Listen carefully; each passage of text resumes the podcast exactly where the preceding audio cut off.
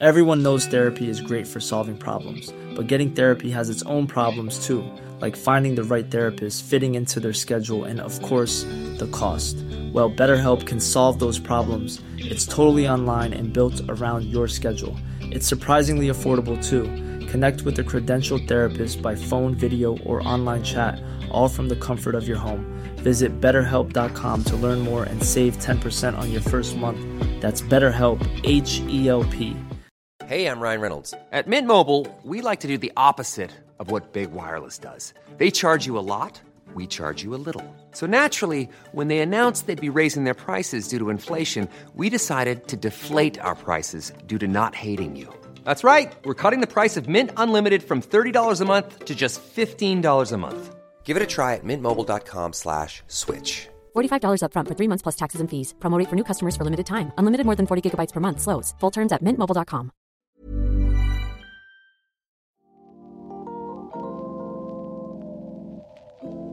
Det här är samtal med Gudrun Nygren, överläkare på Specialistcentrum för barn och unga i Angered, Göteborg. Hon är barnläkare och psykiatriker i grunden som länge har verkat för att möta små barn som har svårigheter i utvecklingen, såsom autism. Hon har även forskat i frågan och är knuten till Gillbergs centrum vid Sahlgrenska akademin. Vi pratar om varför det är fyra gånger vanligare med autism bland små barn i utanförskapsområden och vad man kan göra åt det. Gudrun berättar om hur man bäst arbetar med autism tidigt i livet och vilka metoder man just nu prövar i Angered för att underlätta för barnen. Det här är ett poddavsnitt av Samtal med Svejman. Nya avsnitt kommer varannan tisdag. Mycket nöje.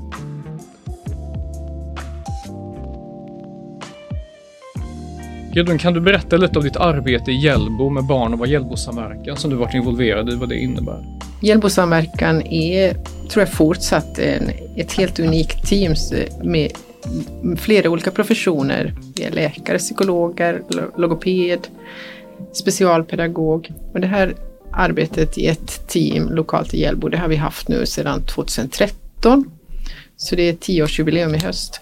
Och det är ett eh, team för att möta små barn med svårigheter och deras familjer lokalt i stadsdelen. Och vi gör både utredningar av små barn med utvecklingsrelaterade svårigheter, ofta handlar det om autism, men vi gör också alla insatser lokalt. Eh, och det här startade vi 2013 och det var egentligen utifrån ett arbete som jag tidigare hade gjort i hela Göteborg där vi tittar på hur vanligt är det med förekomsten av autism hos små barn i tvåårsåldern och vi införde ett screeningprogram på alla barnavårdscentraler. Och eh, när jag satt med det arbetet så såg jag att det var en klar överrepresentation av familjer, barn från våra eh, multietniska stadsdelar som hade ett utfall i en autismscreening. Eh, och just i Hjällbo fanns på den tiden, eh, kring 2010, eh, väldigt aktiva BVC-sjuksköterskor, förskolerektorer. Och de bad mig komma och prata mera och då föddes tanken att men vi behöver göra det här lokalt. För familjerna har svårt att ta sig till en central enhet för flera utredningsbesök och sen kanske dessutom skickas ett, till nästa ställe för att få insatser och det blev många avbrott. Då startade vi teamet 2013 och det visade sig sen fungera så väl så att vi fick möjlighet att göra det till ett permanent team som finns sedan 2017 som permanent form. Och i det här arbetet så finns det en väldigt viktig del. Det viktigaste är ju att nå föräldrar, familjen, göra insatser tillsammans, skapa förtroende och allians med föräldrar. Eh, så det här är en modell som, eh, som vi tror att skulle behövas i flera liknande stadsdelar. Mm. Närheten och det möjliggör, familjerna kommer till alla besök. Eh, det möjliggör en kontinuitet och att insatserna blir av och eh, det möjliggör en mera positiv utveckling för barnet, eh, för familjen. Du har ju studerat frågan tillsammans med andra, eh, med andra forskare på det här området om just autism eller en överrepresentation av autism som ni har funnit bland personer med, med invandrarbakgrund i Sverige och det är även där det här arbetet kretsar främst kring stadsdelar i Göteborg med en, ja, men en över 90 procentig andel av befolkningen som har invandrarbakgrund från hela världen. Um, utifrån den här studien och utifrån ditt arbete, vad, varför tror du det är så att det, det är något, det, autism är inte vanligt, mm. uh, men det är ändå en överrepresentation sett till befolkningen som helhet. Vad mm. förklarar den här skillnaden mellan multietniska stadsdelar som du beskriver det och liksom totalbefolkningen som helhet. Vad, vad beror det på? Mm. Och det vet nog ingen säkert ännu men vi har ju gjort eh, från start när vi började arbetet i Hjällbo så har vi också gjort forskningsstudier där vi har tittat på hur, hur är förekomsten av autism hos små barn i förskoleåldern. De hade medelålder tre år i den studien. Och då såg vi att den var ungefär fyra gånger vanligare med autism än vad man räknar med i en vanlig svensk barnpopulation. Och det är någonting som stämmer överens med studier som man har gjort internationellt i eh, USA, Australien. Att man finner en överrepresentation av eh, autism i familjer med immigrantbakgrund. När det gäller autism som så, så för oss alla så är det den viktigaste bakgrundsfaktorn är genetiska faktorer. Eh, för kanske 20 år sedan trodde man att man kanske skulle identifiera ett visst antal gener som ger autism, men så är det inte, utan man brukar säga att as many causes as cases, att det finns många olika faktorer. Eh, och vad, vad, är det som gör då att i vår immigrantpopulation har vi högre förekomst? Det pågår ju mycket forskningsstudier. Ett spår var att man till exempel i en studie i Stockholm bland somaliska mammor såg en lägre D-vitaminnivå under graviditet och tänkte att det kunde ha en betydelse. Och det är ju så att mörkhyade personer de behöver mera solljus för att få upp sin D-vitaminnivå. Men eh, det har varit en teori som ju inte kan förklara allting eh, och som vi fortsatt inte riktigt vet betydelsen av. Eh, sen vet man att många familjer under flykt lever under svåra, svåra förhållanden eh, som kan vara på många sätt stressande och det har gjort att man också tänker att det kan ha en betydelse vad som händer under flykten och att det kan också ha en betydelse som man kallar för att det ger, har en epigenetisk betydelse, påverkar genernas uttryckssätt. Sen är det vill säga att miljö och upplevelser, kanske trauman påverkar genetiska markörer. Mm. Det är det som är mm. epigenetik. Mm. Eh, så att det finns många olika riskfaktorer som man identifierar i bakgrund till autism. Eh, men eh, varför det fortsatt är så att det är mer vanligt i migrantpopulationen så är det nog ingen som har ett klart svar på. Och vi vet ju inte heller hur är prevalensen eller förekomsten av autism i afrikanska länder mm. för att de studierna inte varit möjliga att genomföra. Eh, och hos våra barn så är det inte så att det, det är från många olika länder barnen kommer. Så när vi gjorde vår studie i Hjällbo så var det eh, 90 procent hade ju en icke-svensk bakgrund Eh, men man kom från många olika länder. Där naturligtvis östra och norra Afrika dominerar men vi har många familjer från Asien och Mellanöstern. Vi vet att ärftlighet och genetiska faktorer också för våra barn har en viktig bakgrund. Hos närmare en tredjedel av barnen så kunde vi ändå se att det fanns hos någon nära släkting liknande svårigheter eller någon utvecklingsneurologisk svårighet. Så att sannolikt så är det så att det är eh, många faktorer som kan samverka men att den genetiska biologiska bakgrunden är väldigt viktig. Vi undersökte också att var det mm, särskilda riskfaktorer under graviditeten eller i samband med förlossningen. Och hos många barn fanns det, no fanns det någon sån tilläggsfaktor men inte en enskild faktor som skulle just vara förklaringen. Så vi hade flera mammor som naturligtvis hade haft olika komplikationer under graviditeten, mått dåligt eh, av olika, på olika sätt. Och vi hade barn som kanske hade haft, eh, behövt extra vård som nyfödda, men inte så att vi kan dra särskilda slutsatser utifrån mm. det. Fyra gånger vanligare är ju ändå rätt mycket större risk. Mm.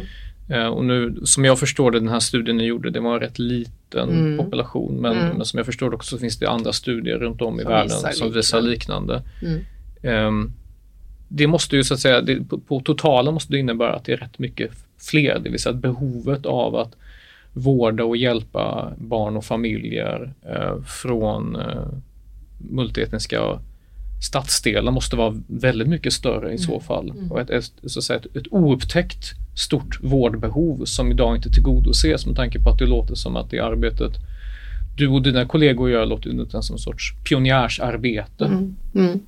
Ja, och vi tror absolut att behovet finns i flera liknande stadsdelar här i Göteborg också, att man behöver möta familjerna eh, mera effektivt lokalt. Nu är det fortsatt så att BVC, man är duktig på att identifiera svårigheter men barn hamnar i köer på olika ställen.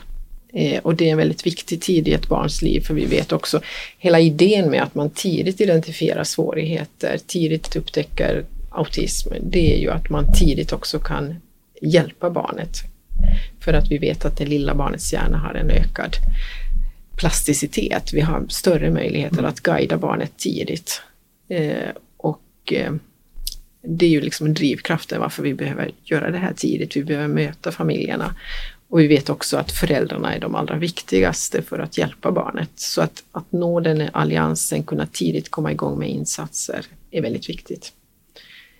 Eh, och här behövs det nog eh, ökad kunskap i vården och organisatoriskt att vi behöver tänka på ett annat mm. sätt, bygga upp. Och det möjliggör ju också när vi jobbar så i en stadsdel nära familjerna att vi också kan få ett mer effektivt samarbete med förskolan. De flesta barn i Sverige, också våra familjer från i stadsdelar där jag jobbar nu, så barnen är i förskola efter ett års ålder, ett och ett halvt års ålder, tillbringar många timmar där. Eh, och då är det helt nödvändigt att man får en bra samverkan med familj, förskola och vård.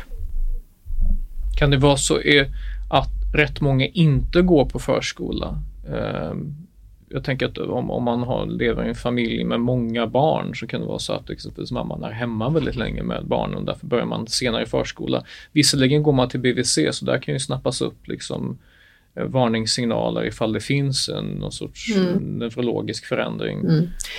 Ja, alltså BVC tror jag fortsatt har liksom den unika möjligheten att det är där man identifierar för barnen går på hälsokontroller. Så BVC, sjuksköterskorna, när de får tillräckligt med kunskap och redskap eh, att identifiera svårigheter med olika screeningmetoder som vi har, men också mm, som vi har satsat på väldigt mycket utbildning, så kan man identifiera och man kan påbörja redan från BVC väldigt mycket för familjen. Eh, så vi försöker undvika det här med långa väntetider och ingenting händer. Eh, tidigt ta tag i det som vi mm. identifierar. Eh, förskolan är ändå för de flesta barn aktuell också hos oss i Angered och Hjällbo att de flesta barn går på förskola. Och vi tror att det också för de barn som har svårigheter i regel är väldigt bra. Och att vi kan jobba tillsammans, familj och förskola och vård. Så att när man inte har fått en förskoleplats eller kanske har man stora svårigheter, ett barn med, som inte ger kontakt och bara vandrar omkring, har inget språk, så kan det vara en väldigt svår situation på en förskola. Många avbryter sin förskolevistelse och då får vi liksom starta om eh, och söka tillsammans med förskolerektorer och pedagoger en bra situation och sen jobba tillsammans. Så här har några från teamen jag jobbar i haft en särskild satsning på digitala utbildningar till pedagoger också i förskolan som har varit väldigt uppskattade så att man, vi mer och mer får ett, liksom en gemensam syn, gemensamt språk när vi pratar om barnen och hur kan vi hjälpas åt.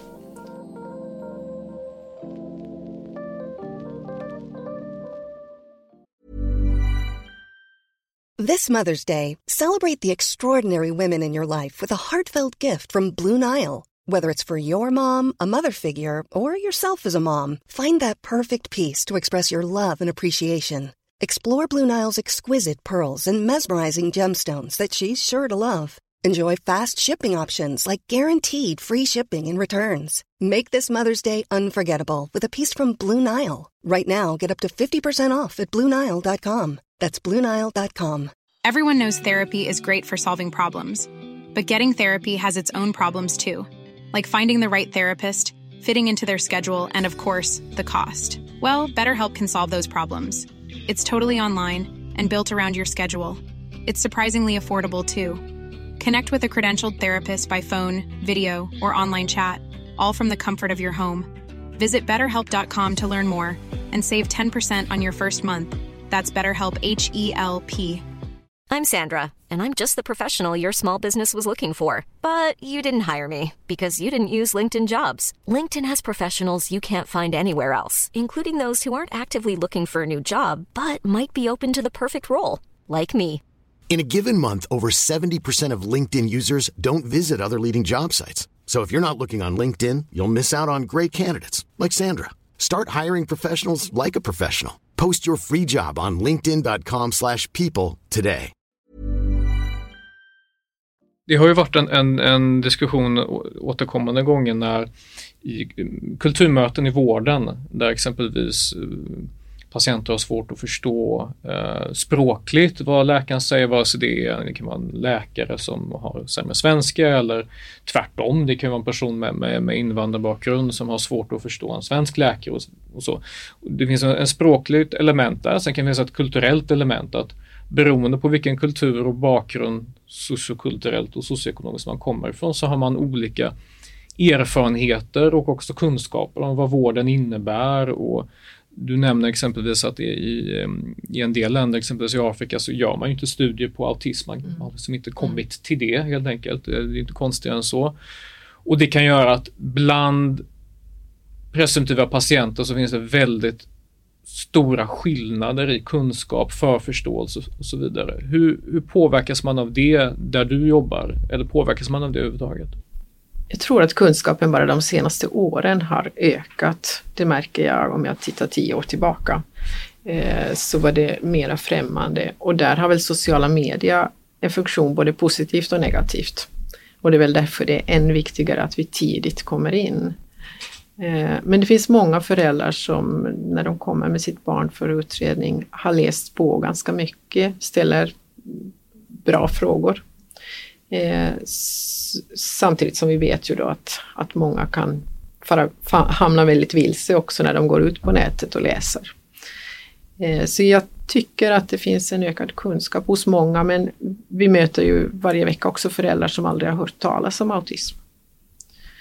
Eh, så det Hur finns... gör man då? Den pedagogiska utmaningen för sjukvården då att förklara?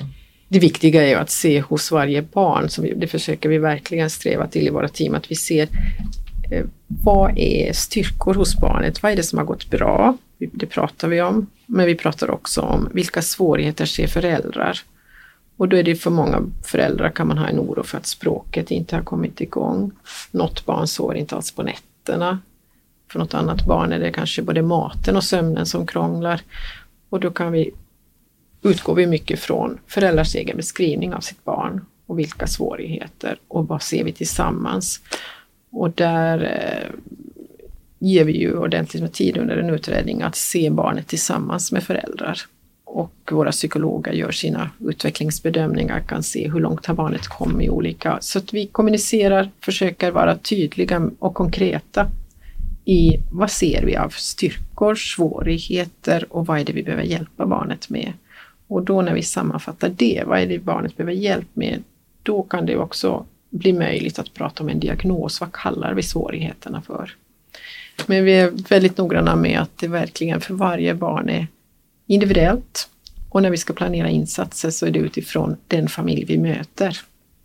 Vad är viktigt för den här familjen och vilka andra behov har man? För att om inte vi når fram så till föräldrarna så har vi ju ingen möjlighet riktigt att hjälpa barnet heller. Så där får vi ta den tid som behövs för ibland för att, att tydliggöra. Och när vi sen träffar, kan träffa familjen lokalt i stadsdelen så både i Hjällbo samverkan och nu i nya teamet i Nordost så, så får barnet insatser tillsammans med familj och psykolog eller pedagog i vårt team. Oftast två gånger i månaden kommer man. Och då blir det ett, en tydlig målsättning. Vad gör vi? Och vår insatsmodell för små barn med autism den handlar om mycket att hur kan vi skapa möjligheter för ökad, ökat samspel, lek, kommunikation och språk. Och det är en sån naturalistisk insatsmodell som, som är den som är mest beforskad. Den heter Early Start Denver som vi utgår från. Och det blir någonting som föräldrar kan lära sig att göra i vardagen med hemma. Ibland får vi hjälpa föräldrar att hur kan man leka? Vad gör vi? Eh, hur kan man använda en matsituation för att öka kontakt och kommunikation? Så det är ganska mycket konkret, både under en utredning när vi pratar om styrkor och svårigheter hos ett barn, men framförallt sen när vi ska göra någonting tillsammans. Vad är vår målsättning? Och ibland kan det handla om att först få vettiga nätter, att både barnet och föräldrarna kan sova. Så det är många olika behov där man verkligen behöver ett multiprofessionellt team och vi har fantastiska team som, där vi kan på olika sätt möta de behov som finns. Hur, hur tror du man gör i andra delar av landet? Alltså om det är fyra gånger vanligare, nu behöver vi kanske inte fästa oss vid exakt att det är fyra gånger vanligare, för det kan ju såklart skilja sig åt i landet. Och så, men om det är fyra gånger vanligare bland eh, familjer från utanförskapsområden eller multietniska områden som du kallar det. Gör man på ett liknande vis så som man jobbar i Hjällbo och Angered som du gör i andra delar av landet? Eller finns det så att säga i någon mån en stor vårdskuld här? För att om du växer upp odiagnostiserad med autism så kommer så problemen kommer ihop sig om du inte får en tidig, en tidig intervention och tidig mm. vård som ja, autismen försvinner ju inte, men den kan ju mildras i den mån att, att du blir fungerande i samhället och i skolan och så, och i, mm. sociala miljöer. Men om det förblir obehandlat, jag vet inte om du kanske vill använda ett annat ord, men ackumuleras det inte en stor vårdskuld i stora delar av landet mm. eftersom man inte gör så som ni har börjat göra nu i Hjällbo och Angered? Mm. Ja, nej, men det finns en risk för att det är så. Det, det tror jag. Eh, svårigheterna ökar. Och så tänker jag mycket på det här med att vi pratar om våra utsatta stadsdelar och en erfarenhet också från när jag möter barn i skolåldern. Det är att eh, vi har faktiskt de bästa möjligheterna att, att nå allians med föräldrar när vi gör det tidigt när inte svårigheterna eskalerat för att eh, i ett tidigare arbete som jag gjorde just med rektor Linnea som du har intervjuat tidigare, vi gjorde tillsammans på Hammarkullsskolan, så såg vi det att det var betydligt svårare att börja prata om barnets egna svårigheter när man hade kommit upp i skolåldern. Varför då? Många föräldrar hade liksom en misstro både mot skolan, mot vården eh, och samhället. Det, det, var mycket svårare att bygga upp det förtroendet att det här, och så som det naturligtvis är, att eh, det kan vara stora klasser där man har stor, många barn med svårigheter. Ni ska inte säga något om mitt barn. Det var mycket svårare.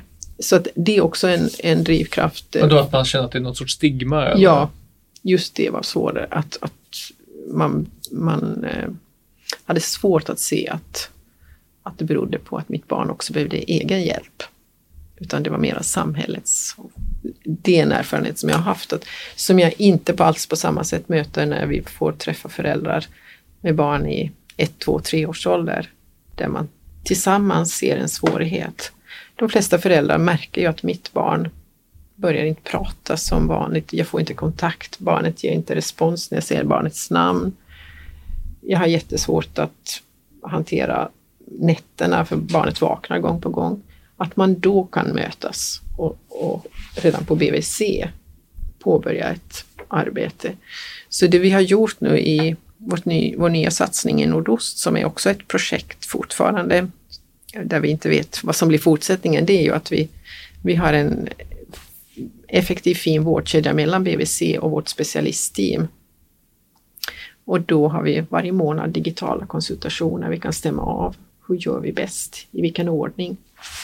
Och BVC har fått utökad möjlighet att ha någonting som vi kallar för specialist-BVC, där en barnläkare, en psykolog tillsammans med BVC-sjuksköterska möter familjen där man har en svårighet. Och man kan redan på BVC påbörja ett jättebra arbete att prata om det man tillsammans ser. Eh, så det har varit en väldig vinst och föräldrar får tidigt förstå att jag kan göra något för mm. mitt barn. Och så många föräldrar upplever att kommer redan när de kommer till utredning med en glädje över att det går mycket bättre nu, jag vet vad jag ska göra. Men, men, men eh, hur gör man i resten av landet med just det här hittills rätt outforskade och okända problemet? Jag har svårt svårt att riktigt svara på det för jag mm. tror att vi, vi på det sättet i vårt lokala arbete än så länge är ganska ensamma i att jobba nära i team så här. Med både, alltså samma team gör både utredning och ger insatser och finns lokalt. Men inom professionen som helhet, jag tänker på inom psykiatrin, eh, BVC och så vidare, är det välkänd i resten av Sverige? För jag tänker att alltså Hjällbo och Angered är ju inte unika stadsdelar nej, på det sättet. Nej. Vi har nätverk eh, med några andra regioner så att vi möts och vi har haft gemensamma utbildningstillfällen. Så det är många som har sökt kontakt med oss eh, där man försöker hitta lösningar. Så det är ju nog en, en gemensam erfarenhet att eh, just våra familjer från, med invandrarbakgrund har barn med, att det finns en ökad förekomst av svårigheter och att barn står i köer. Så det är ju någonting som är svårt för oss alla att, att eh, tillräckligt effektivt möta barnen. Eh, så att i övriga Göteborg nu också så tror jag att köerna är alldeles för långa. Mm. Och, och, och, vad händer om man har autism? Hur påverkar det, det fortsatta, den fortsatta uppväxten? Mm. Autism kan ju vara så olika för mm. olika personer, mm. olika barn. Eh, en del barn har en normal begåvning, har lätt för att lära sig. Andra har en intellektuell funktionsnedsättning. Och så gott som alltid så finns det vid autism andra svårigheter parallellt. Så det beror helt individuellt på hur, mm. hur barnet har det. Eh, och det är inte ovanligt heller att man samtidigt har andra medicinska bekymmer. Så, så, men generellt kan man väl säga att, att eh, det är alltid en fördel att man tidigt får hjälp för att det förhindrar andra sekundära svårigheter och, det, och att man också tidigt möts av professioner som, som kan se brett att vilka andra samtidiga svårigheter finns det. Alltså att det inte bara är en svårighet mm. man nu går in på utan det individuella barnet med de olika svårigheterna som finns. Så här behöver vi verkligen liksom jobba ganska brett. Men också i vår region så är medelåldern för diagnos alldeles för hög. För några år sedan när vi tittade på det så var det eh, medianåldern nio år när man fick diagnos. Mm. Vad innebär det för vårdförloppet? Ja, man missar ju de där tidiga insatserna. Jag tänker många föräldrar går ju länge, länge eh, och vet inte hur de ska få hjälp. Vad är skillnaden mellan, mellan barn från så majoritetsbefolkningen? Vad är snitttiden för diagnos där? Eller är det för alla nio år? det var i regionen när det gjordes en sån här utvärdering så såg man det nio år och det betyder ju att en del barn, många barn kommer först i skolåldern. Men just i Göteborg så nu har jag inga färska siffror på det och jag vet att barn står i kö här också. Vi har ju en central enhet, barnneuropsykiatriska enheten, där barn utreds från övriga Göteborg. Men jag vet att kön där också nu är lång. Det är många barn som identifieras. Och det betyder säkert att, att åldern förskjuts man får vänta ett och två år innan man får hjälp riktigt. Mm. Eh, så att det behövs ju många fler eh, team, multiprofessionella, som kan möta de behov och för det behövs det ökad kunskap, utbildning. Vad skulle vara din, din, din önskelista här? För att det, det är klart, det låter ju som en delvis som en ekonomisk fråga. Det är klart att är, är problemet i snitt säger vi fyra gånger större i vissa delar eh, av, av Sverige, då är det en kostnadsfråga. Det är också en kunskapsfråga antar jag. Eh, det kan vara en skillnad i hur man bemöter föräldrarna och så. Vad, vad, på din önskelista, vad, vad finns om man ska dels uppmärksamma det här problemet som ändå är, uppfattar jag det som är rätt okänt faktiskt, mm. um, annat än inom forskningslitteraturen. Um, och vad bör man göra? Ja, jag tror ju fortsatt att man behöver satsa väldigt mycket och egentligen hör det ihop tror jag med det man pratar politiska omställningen, nära vård och så. Mm. Att det faktiskt är BVC som behöver eh, få möjlighet att både via specialist BVC där psykologer, barnläkare också finns mera tillgängliga, att man mera effektivt möter familjerna redan där, mm. identifierar svårigheterna tidigt mm. Och kan möta familjen. Eh, sen tror jag ju att, ja, att vi behöver nu har vi den inte lyckade integrationen i Sverige som alla ju ser, men att vi behöver därför jobba på ett särskilt sätt i våra utsatta stadsdelar. eh, behoven är större. Och det är också något som man nu internationellt eh, uppmärksammar i, i forskningsstudier att vi behöver hitta nya sätt att bryta liksom alla de här hindren som finns på mm. vägen. Och därför det skulle vara intressant om man kunde göra någon hälsoekonomisk beräkning. Kan man hjälpa ett barn tidigt och få den där alliansen med föräldrar, där föräldrar får förtroende för vården, för förskolan och skolan, så är det en vinst inte bara för det enskilda barnets utveckling, utan det är ju för kanske för äldre syskon, för familjen, för barngruppen där barnet är. Så den, också om det är en satsning man gör, så tror jag att det är en ekonomisk vinst för samhället, absolut. Och det är så väldigt fint att möta familjerna nu sen fortsatt insatser och se glädje och, och trygghet som de känner i att de verkligen kan göra något för sitt barn och eh, i gemensamma möten med vård och förskola mötas. Mm. Så jag tror att det är en, absolut en satsning som lönar sig. Gudrun Nygren, tack så mycket för samtalet. Du har lyssnat på Samtal med Svejman, en podd från Göteborgs-Postens ledarredaktion. Producent för detta program är Isabella Persson. Mitt namn är Adam Sveiman och nya avsnitt kommer varje tisdag.